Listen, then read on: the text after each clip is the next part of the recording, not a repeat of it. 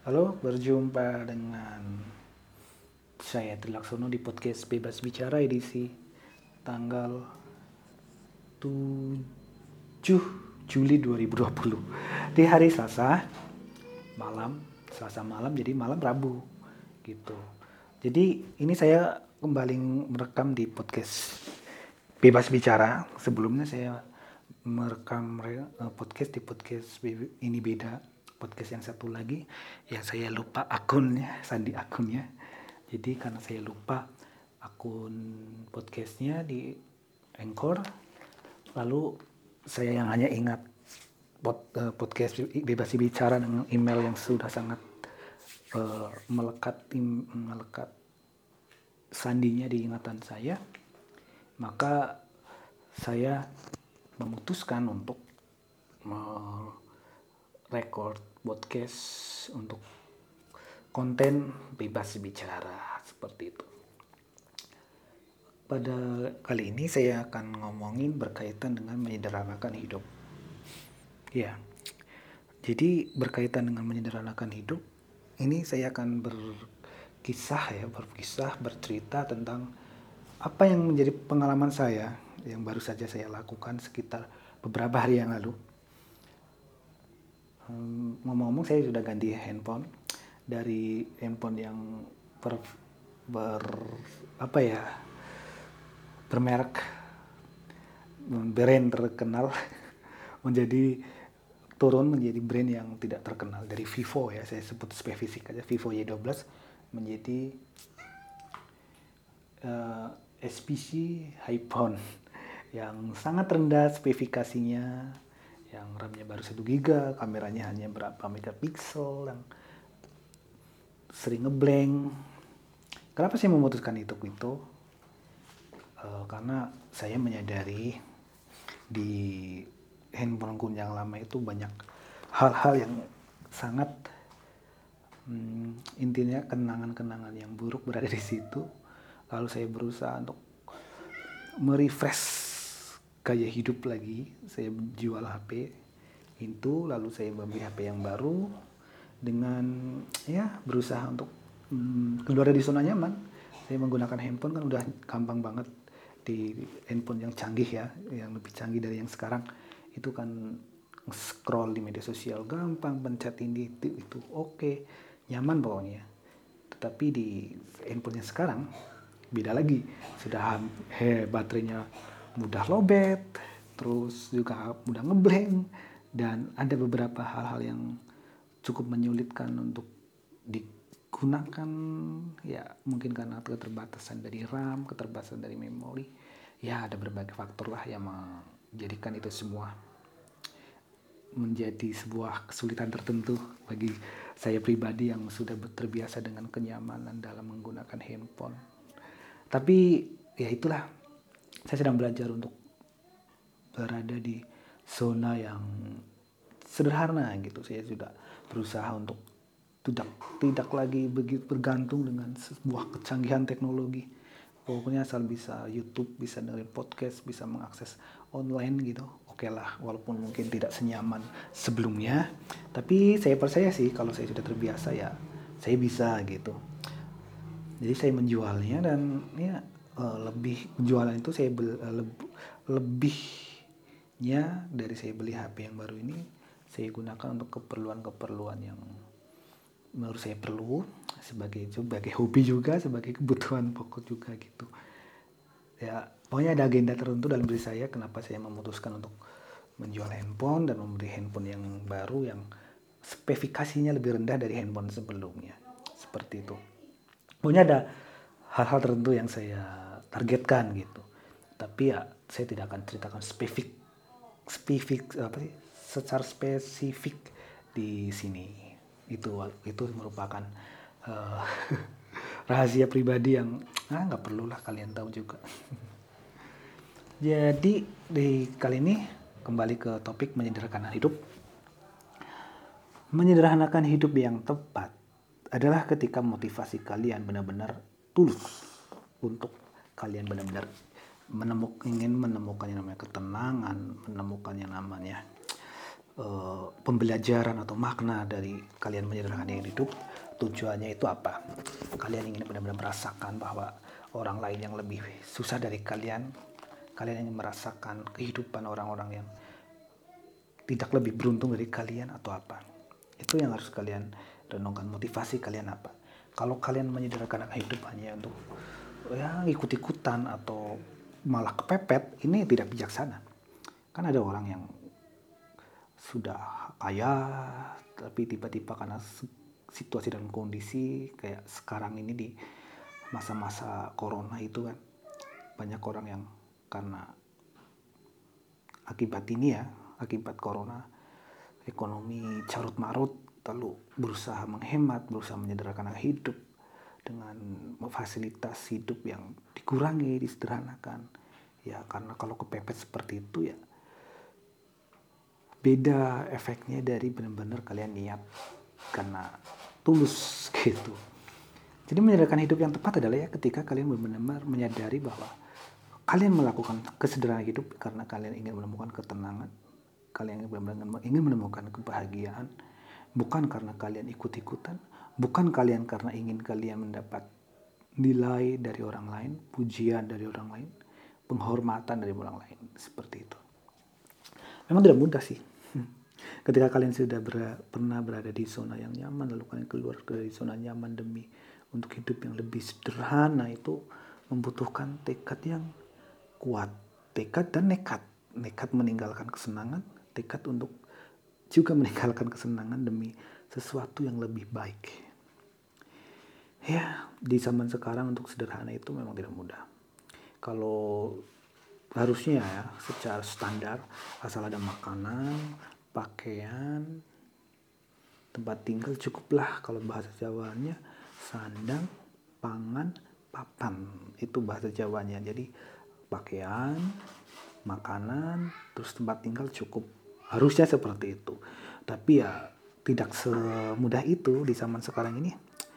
Ketika sudah memiliki fasilitas utama, fasilitas pokok yang utama ya, kayak rumah, tempat tinggal atau hmm, makanan, pakaian. Ada lagi yang tambahan sekarang ini yaitu fasilitas hidup sebagai ya penunjang untuk kalian tampil eksis gitu kayak handphone baju yang trendy terus gaya hidup yang narsis itulah.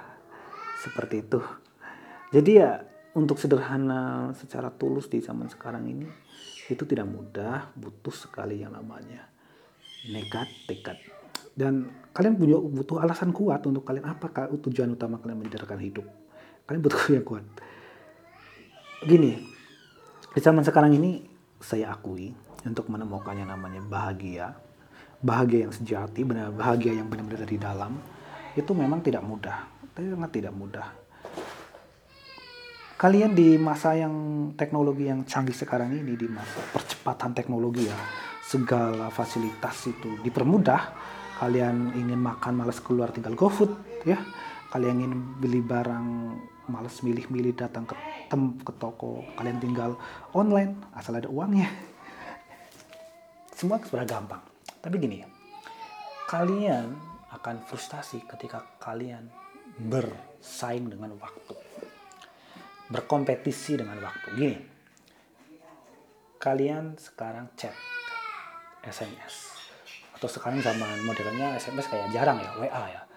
Kalian WA seseorang pacar gebetan saudara yang mungkin kalian anggap penting uh, kalian mengabarkan sesuatu yang penting kepada saudara kalian lalu respon saudara kalian ketika kalian chat lama balasnya. Kalian sudah hubungan atau kalian sudah curiga kalau ini berkaitan dengan pasangan? Jangan-jangan pasangan saya ini seperti ini seperti itu. Dan kalian akhirnya apa? Merasa gelisah cemas dan pikirannya ini uh, negative thinking. Sehingga ini mengurangi kebahagiaan kalian. Coba kalau kalian ingat ke beberapa puluh tahun yang lalu di mana handphone itu belum seeksis sekarang. Kalian kirim surat surat ya kalau kalian mengalami zaman-zaman surat menyurat terus dibalas dua minggu kemudian sebulan kemudian kalian nggak nggak terlalu gimana gimana kan tapi sekarang kiriman telat dikit kalian uring-uringan chat dibalas lama kalian uring-uringan. Nah, di situlah keribetannya di zaman sekarang. Keterlambatan ini menjadi suatu hal yang menjadi musuh dalam hidup di zaman yang serba cepat sekarang. Padahal kalau secara filosofi, secara mendalam, kalau kita berbicara kebahagiaan itu ada di jalur lambat. Berbicara tentang kesuksesan itu, kesuksesan itu ada di jalur cepat. Uh, sederhananya gini, kalau kita berbicara kebahagiaan berada di jalur lambat. Kalau kalian lapar, lalu kalian makan. Kenikmatan kalian makan ada di apa? Ada di saat kalian mengunyah, ada di saat kalian mem proses memakan ya kan? Kesuksesannya di mana? Kesuksesannya adalah di saat kalian kenyang. Iya kan? Jadi kenikmatan makan ada di saat kalian proses memakan, bukan ada di kalian kenyang. Iya kan? Kalian jalan-jalan ke suatu tempat gitu ya, ke tempat wisata. Kalian menikmati pemandangan, menikmati apa yang ada di situ dengan pelan-pelan kan. Untuk kalian benar-benar menikmatinya, kalian harus benar pelan-pelan. Kalian menikmati setiap sudut tempat yang ada di tempat itu gitu. Suksesnya apa? Suksesnya kalian pernah berada di tempat wisata itu. Kalian memiliki impian sampai di ke Singapura gitu ya. Lalu kalian sampai di sana itu kesuksesan. Tapi kebahagiaannya adalah proses menuju ke sananya di perjalanannya atau di saat proses menikmatinya di sana. Itulah yang disebut kebahagiaan dan kesuksesan dan perbedaannya. Kalau kalian hanya fokus kepada kesuksesan, kalian tidak akan menemukan yang namanya kebahagiaan gitu. Kebahagiaan dan kesuksesan itu harus berjajar berjalannya. Atau gini, kalau kalian ingin benar-benar hmm, bahagia, kalian harus benar-benar memutuskan kalian bahagia. Kalau kalian ingin benar, sukses, eh, gini, bahagia uh, efeknya adalah sukses, bukan efek ya. Kesuksesan adalah akibat dari kebahagiaan. Bukan sukses dulu baru bahagia, tapi bahagia dulu baru sukses. Kalian paham nggak? Kalau ngomongin seperti ini. Kalau kita berbicara kebahagiaan itu kan berbicara tentang perasaan terdalam. Perasaan yang tidak dipengaruhi oleh hal-hal yang dalam hal ini objek ya kayak kalian tiba-tiba menemukan uang satu juta di tengah jalan kalau kalian berjingkrak gembira itu bukan kebahagiaan itu yang namanya kesenangan. Karena dari uang itu kalian menemukan uang misalnya tengah jalan satu juta lalu kalian mengambilnya kalian merasa begitu ceria tapi hanya beberapa waktu kalian akan bertemu dengan masalah-masalah tertentu dan kalian merasa galau lagi. Dan itu bukan kebahagiaan itu hanya kesenangan sesaat. Tapi kebahagiaan itu bisa kalian temukan di tengah-tengah penderitaan sekalipun. What bukannya bahagia bahagia menderita menderita iya. Saya paham tapi gini saya gambarkannya gini. Ketika kalian mengalami masalah-masalah yang pelik dalam kehidupan kalian lalu kalian menemukan alasan-alasan kalian untuk tidak bersyukur kalian masih sehat mungkin. Kalau kalian apalah kalian menemukan sesuatu untuk disyukuri di tengah hal-hal yang sangat menyulitkan itu adalah kebahagiaan. Kebahagiaan itu adalah uh, sesuatu yang apa ya yang sering dilupakan orang ya. Sebenarnya itu hal penting tapi dilupakan. Makanya saya tidak saya setuju ya maksudnya. Saya setuju dengan sebuah kalimat yang berkata seperti ini. Hei jangan lupa bahagia. Kalian ini selama ini tidak sadar atau tidak kalian ini diperbudak oleh target-target kalian. Kalian ingin dapat barang ini kalian ingin mencapai ini itu itu cita-cita lah mau berbagai target dalam kehidupan tapi kalian lupa menikmati apa yang ada sekarang. Kalian menik lupa menikmati apa yang sudah ada di genggaman kalian. Kalian tidak bersyukur. Maka bahagia itu berlalu ya. Kalian terlalu cepat ingin sampai kepada kesuksesan tanpa kalian menikmati kebahagiaan. Karena kalian meyakini bahwa kesuksesan itu ada bersama dengan kebahagiaan kalau kalian belum sukses kalian belum bahagia ini sesuatu yang salah. Yang harus kalian tanamkan dalam mindset kalian adalah bahwa bahagia dulu, kesuksesan adalah kemudian. Jadi ya bersakit-sakit dahulu, bersenang-senang kemudian. ya bahkan saya kurang setuju dengan ini tapi menurut saya berbahagialah bersama dengan perjalanan menuju kesuksesan. Tapi yang terpenting adalah bahagia dulu. Itu. Bahagia dulu aja mudah ngomong ya memang saya aku mudah ngomongnya tapi ya kalian di hidup ini apa yang kalian cari? Bahagia kan? Entah kalian bekerja sekolah atau apa pun itu. Sebenarnya kalian yang paling penting dalam diri kalian yang sering kali diabaikan adalah kebahagiaan.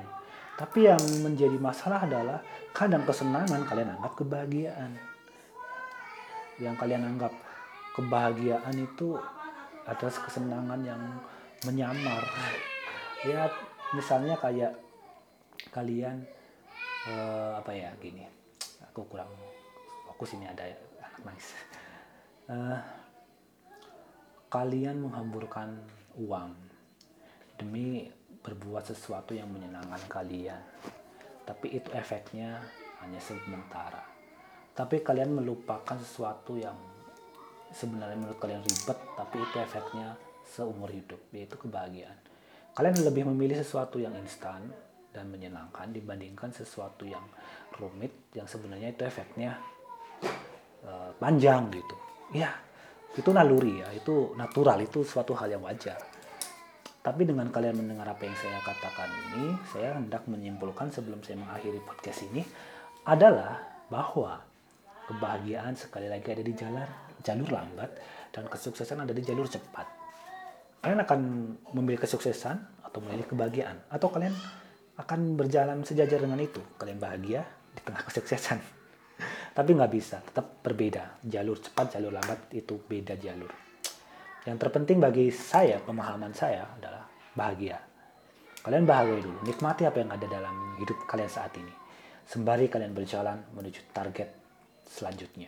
Tapi jangan lupa bahagia. Walaupun kalian belum sampai pada target, walaupun kalian belum sampai pada kesuksesan yang kalian tuju, tapi bahagia. Bahagia di sini artinya kalian nikmati, kalian syukuri yang kalian punya, yang kalian ada saat ini. Begitu. Ini aja yang saya sampaikan.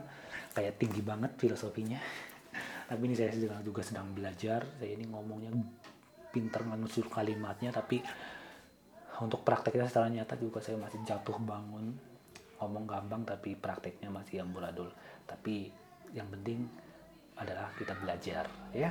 Belajar untuk menjadi lebih positif dari sebelumnya. Dan terus belajar belajar dan belajar untuk selalu lebih baik lebih baik lebih baik. Kalau kalian berhenti belajar kalian mati. Oke? Ini aja saya Tilak Sodo dari podcast bebas bicara. See you.